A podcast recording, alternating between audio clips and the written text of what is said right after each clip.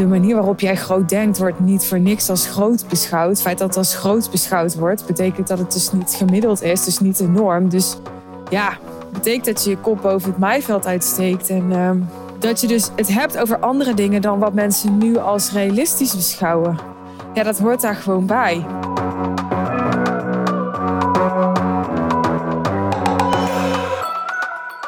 Eerst denken ze dat je gek bent. Dan wennen ze eraan.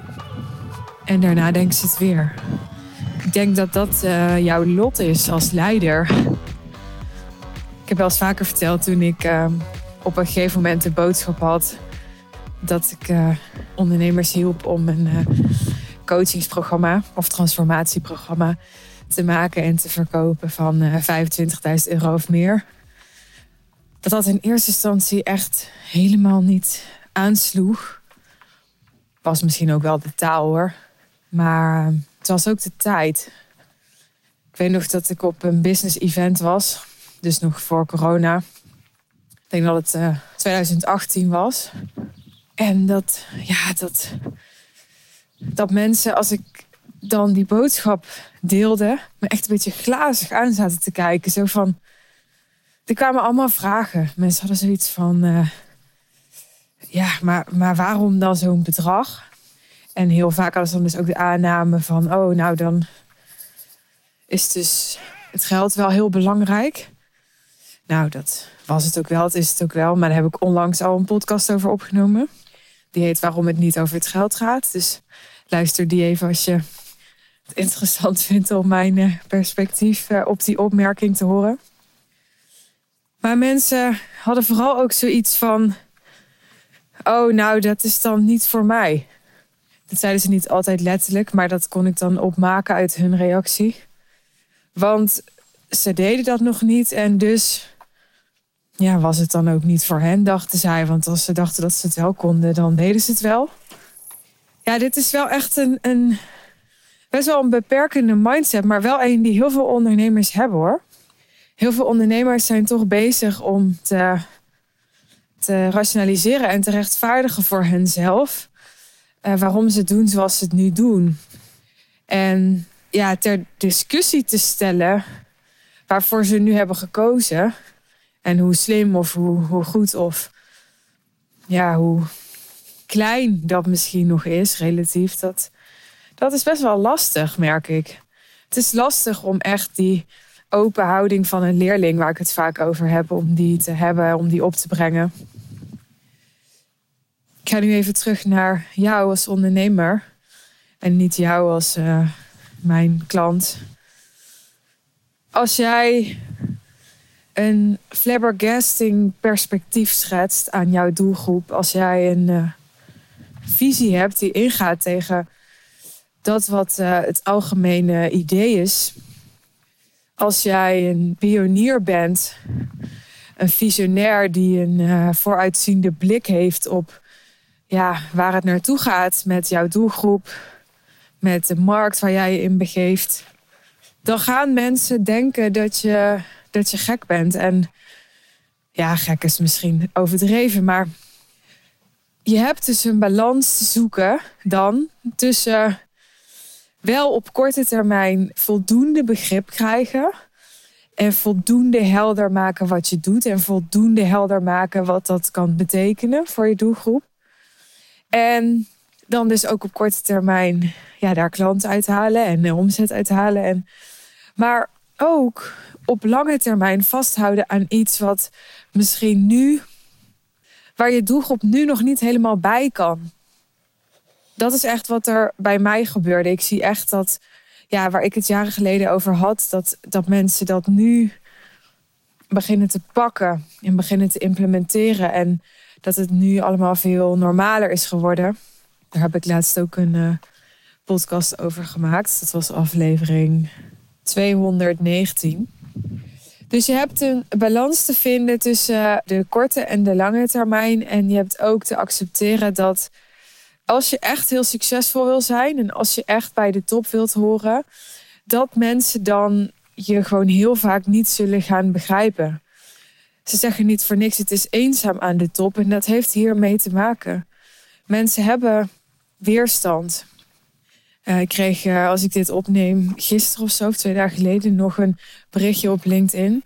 En het ging over ja, dat hij vond dat ik allemaal maar veel opsmuk had en dat het daar helemaal niet over ging. En nou, het is een spraakberichtje en ik was het zo aan het luisteren. En even los van, van de inhoud ervan, ik voelde me echt zo niet begrepen. En dat dan gewoon naast je neerleggen en weer verder gaan. En dat dan, ehm, ja, zo'n eh, honderd keer per week misschien wel op een gegeven moment. Ja, dat, dat is wel iets, dat moet je bewust doen. Want anders dan, ja, dan ga je helemaal wankelen. En wil dat zeggen dat je nooit iets van iemand of een mening uh, je aan moet trekken? Nee, want je hebt ook gewoon nu klanten nodig. En je kan wel in je eentje in een woestijn gaan lopen roepen. Ja, en jouw eigen mening mega belangrijk maken. Maar uiteindelijk ben je een bedrijf dat ten dienste staat van, van je klanten. En zul je met je marketing verbinding moeten maken met hen. dus die verbinding is wel degelijk nodig. Maar het zijn dus verschillende rollen. Je bent ondernemer, je bent verkoper. Je hebt dus, je hebt dus te verkopen, aan te bieden waar behoefte aan is vanuit de markt. En tegelijkertijd ben je ook een leider, ben je ook visionair en, en wil je waarschijnlijk ook met de missie die je hebt en de visie die je hebt, die markt veranderen. En dat tegelijkertijd, dat is wel echt voor gevorderden. dus tegelijkertijd aansluiting vinden en ook uh, gek gevonden worden. Dus echt jouw eigen vijvertje, jouw eigen tribe om je heen creëren van mensen die, die jou zien, die in jou geloven, die natuurlijk vooral ook in zichzelf geloven via jou. Maar die echt bereid zijn om, uh, ja, om in de spiegel te kijken via jou. Verder ook met een soort blik op oneindig doorgaan. Zelfs als dus iedereen buiten die tribe denkt dat het helemaal nergens op slaat wat je aan het doen bent. Maar heel vaak ook subtieler. dus het is lang niet altijd zo dat mensen vinden dat het helemaal nergens op slaat. Ik bedoel, dat LinkedIn berichtje wat ik kreeg, dat, dat, dat stond ook niet in. Het slaat helemaal nergens op wat je doet. Maar ja, het was wel een van de heel veel geluiden die ik natuurlijk heb gehoord over ja, dat het te veel over geld gaat, te weinig uh, over uh, vervulling, over purpose, over je hart, over hè, wat er nou eigenlijk echt toe doet. dat het te veel ehm, gebakken lucht is, buitenkant, show. Ja, ik ben dan altijd benieuwd of zo iemand ook mijn podcast luistert. het scheelt hè, zo'n podcast. Als je dan glitterlaars aan hebt, dan ziet toch niemand dat. Dus uh, kan je niet voor show in aanbrengen. Kan wel, maar dat doe ik eigenlijk niet. Nou, hoe kwam ik hierop? Omdat ik me realiseer dat ik weer in zo'n fase aan het komen ben. Ik merk dat ik nu uh, naar een uh, 100.000 euro aanbod aan het uh, bewegen ben. En ehm, dat dat op een dag die waarschijnlijk sneller gaat komen dan ik denk. Maar misschien ook niet, we'll see dat op een dag dat echt mijn nieuwe standaard is. En terwijl ik daarover aan het praten ben, nu ook weer, hè, doe ik expres elke keer zaadjes planten. Mensen heel langzaam zo indoctrineren met dat idee en, en dat een nieuwe normaal maken. Terwijl ik dat aan het doen ben, merk ik dat, uh, ja, dat er her en der geluiden ontstaan van mensen die zoiets hebben van: ja, ja, maar waar houdt het dan op? Ja, is toch allemaal wel overdreven en ja, iedereen denkt maar dat hij dat tegenwoordig zomaar kan vragen. Maar ja, wat verkoop je dan eigenlijk nog? En nou ja, noem het allemaal maar op. En als je het dan weer hebt over die open houding van een leerling, dan denk ik, goh, ja, je kan ook denken, wow, wat interessant. Die liep die zij nu aan nemen is en gaan analyseren van, ja, wat doet ze precies en hoe doet ze dat precies? En ja, wat, wat gebeurt daar? En, en wie gaat dat dan kopen? En uh, hoe, ja, hoe gaat dat dan? En, en dat doen mensen ook wel natuurlijk. Ze zijn nieuwsgierig. Mensen zijn nieuwsgierige wezens. Weet ik wel. Maar ik voel dus dat er nu weer zo'n fase aankomt waarbij mensen weer op een bepaalde manier gaan wegzetten waarschijnlijk. Als iemand die een soort realiteitszin verloren is. Maar ik denk, ja, dat is gewoon uh, wat er gebeurt als je groot denkt. Want de manier waarop jij groot denkt wordt niet voor niks als groot beschouwd. Het feit dat het als groot beschouwd wordt, betekent dat het dus niet gemiddeld is, dus niet de norm. Dus ja, betekent dat je je kop boven het maaiveld uitsteekt en ehm, dat je dus het hebt over andere dingen dan wat mensen nu als realistisch beschouwen. Ja, dat hoort daar gewoon bij.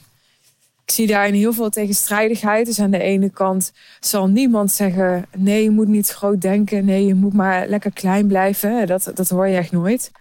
En aan de andere kant zie ik gewoon dat als mensen het dan daadwerkelijk doen, dat daar toch dan heel vaak wel heel veel kritische vragen bij worden gesteld. En er is op zich natuurlijk helemaal niks mis met kritische vragen. Ik bedoel, uh, ja, dat zet iedereen en houdt iedereen op scherp. Alleen, ja, denk wel eens, die kritische vragen kan je even goed bij de norm stellen, toch? Dat wordt ook gedaan natuurlijk. Dat wordt ook wel gedaan.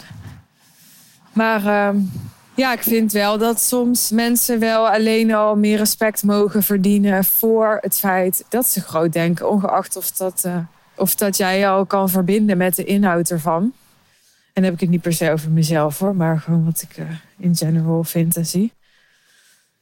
Nou goed, ik beschouw even deze aflevering als een aflevering waarbij ik je een soort hart onder de riem wil steken. Dat het dus heel normaal is dat mensen je eerst um, gek vinden om je visie en dat ze er dan aan gaan wennen. En dat jij dan weer op het moment dat ze eraan gewend zijn een leap te nemen hebt en dan gaan ze je weer gek vinden om je visie. Dat is gewoon hoe het patroontje werkt. Dat is omdat je een, uh, een voorloper bent.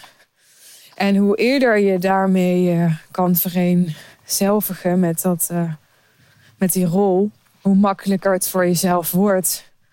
En hoe bewuster je je binnen die rol kunt bewegen. Ja, dat is wat ik je gun. Maar wat ik ook echt de wereld gun. Want ik denk dat we, dat we zo enorm veel hebben aan, uh, aan die voorlopers, aan die autonome denkers. En aan die moedige mensen die bereid zijn om gek gevonden te worden. En we hebben ook volgers nodig. Hè, dus uh, dit is niet voor iedereen. Maar uh, ja, als jij deze podcast luistert, dan ben jij dat waarschijnlijk niet, toch? nou, tot slot, ik denk dat, uh, dat er een punt komt, dat zie ik bij mijn klanten, dat het minder om de kennis gaat en uh, minder om de coaching. Wanneer je investeert in een uh, programma of in een coach of in een mentor.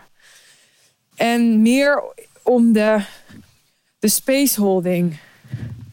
Dus als ik uh, voor mezelf spreek, ik merk dat uh, naarmate ik verder gevorderd ben met mijn bedrijf, ik uh, steeds minder hulp nodig heb bij ja, het navigeren van mijn beslissingen bijvoorbeeld. Dat is echt een skill die je te leren en te ontwikkelen hebt en die ik ook echt geleerd heb van mijn coaches en mentoren. Maar ik merk dat dat steeds minder werd, dat ik daar steeds minder behoefte aan hulp in had, omdat ik ja, me daar steeds sterker en slimmer in eh, begon te voelen. Maar een behoefte die altijd blijft, is iemand die, die niet alleen mij ziet, waar anderen misschien denken, die is gek, maar die ook nog iets veel groters voor mij ziet. Dus waar anderen altijd als voorloper jou toch enigszins zullen proberen naar beneden te trekken, klein te houden. ook gewoon met de goede bedoelingen, die kritische vragen, maar wel waardoor jij weer gaat denken: oh ja, ja, kan dit wel? Wil ik dit wel? Klopt dit nog wel? Is dit nog wel aligned? Het trekt je allemaal een beetje naar beneden. Dat gebeurt. Ook klanten zullen in de basis altijd de neiging hebben om je een beetje naar beneden te trekken, want ze willen jou dicht bij jou houden. dus over het algemeen de mensen die je om je heen hebt, ook vrienden en familie en zo, zijn altijd mensen die een beetje, soms heel subtiel, naar beneden zullen trekken. Ook al willen ze dat helemaal niet, maar het is gewoon een soort natuurlijk iets. Beetje het krabbenmand effect. Ze willen bij jou blijven. dus ze gaan jou niet de lucht in katapulteren. Juist ook omdat ze om je geven en juist ook omdat ze je interessant vinden. Dus juist ook omdat ze die relatie met jou zoveel waard vinden. of dat nou een klantrelatie is of een, uh, een privérelatie. En dan heb je dus echt iemand nodig die jij betaalt, die jou wel katapulteert. Dus die, die, ja, die jou eigenlijk betaalt om, ja, om jou van te lanceren. Dus ik zie zeker bij de meer ja, gevorderde klanten binnen de gevorderde klanten die ik heb, dat dat uh, steeds belangrijker wordt. Dus dat het steeds belangrijker wordt dat ik uh, een soort spaceholder voor ze ben. En gewoon iemand die er, ja, hoeft niet altijd per se heel actief, altijd. Maar die er wel is. En uh, die hen ziet. Die hen veel groter ziet dan zijzelf. En die ze accountable houdt ook voor die, uh, die grotere perspectieven. En die ze duwtjes geeft. Daar heb je echt iemand voor nodig in wie je investeert. Die ook heel bewust die rol op zich neemt. Want andere mensen doen dat ook niet omdat het gewoon heel spannend is. Het is gewoon heel spannend om tegen een klant te zeggen: hè, ga jij maar eventjes uh, een 100.000 euro aanbod aanbieden. Want je voelt gewoon, ja, op het moment dat, dat, uh, dat iemand faalt, dat het niet lukt, of dat hij het niet waar kan maken, of lijkt of dat hij het niet waar kan maken, of dat, ja, dan hangt jouw naam er ook aan of zo. Hè, dus je hebt echt nodig dat iemand zegt: Oké, jij betaalt mij. En in ruil daarvoor maak ik jouw groei, jouw succes en jouw stappen ja, belangrijker dan mijn eigen ja, reputatie of ego of gevoel van veiligheid of zekerheid. Dus ik, ik kies ervoor om, uh, om met jou die, nou ik wilde zeggen risicovolle, maar dat is helemaal niet het goede woord, risicovolle stappen. Maar om met jou, ja, gewoon, ik zou het eigenlijk bij stappen willen houden, die stappen aan te gaan, waarvan een ander misschien zegt, nou dat is toch niet nodig. Ja, dat vind ik echt fantastisch als ik dat kan kan zijn voor iemand. En daar ligt ook echt voor mij een, een rol en een, een purpose, merk ik. Dus als je dat interessant vindt om, um, om dat van mij te krijgen in de real deal, of als je echt um, vet ambitieus bent en al in wilt gaan door mijn, uh, mijn diamond te worden, dan krijg je mij uh, helemaal één op één. Dan, uh, ja, dan hoor ik graag van je. Je kan uh, mij even DM'en als je interesse hebt. Je kan ook naar de show notes gaan. Daar vind je de sales page over de Real Deal, waar je een call kan boeken over de Real Deal. Vergeet niet dat uh, op uh, 13 oktober je mij live kunt ontmoeten bij de High Level Sales One Day Intensive. Dus als je een voorproefje wil, wees daar zeker bij. Het is de laatste editie. Je wil niet later denken, kak, ik was er niet bij. En ik wil je geen FOMO aanpraten verder of zo. Maar ik heb nog geen. Uh, ja, ik heb nog niet een goed verhaal voor je. Waarom je niet zou moeten komen. dus kom maar gewoon, oké? Zie ik je daar. Hey, tot de volgende aflevering. Bye bye.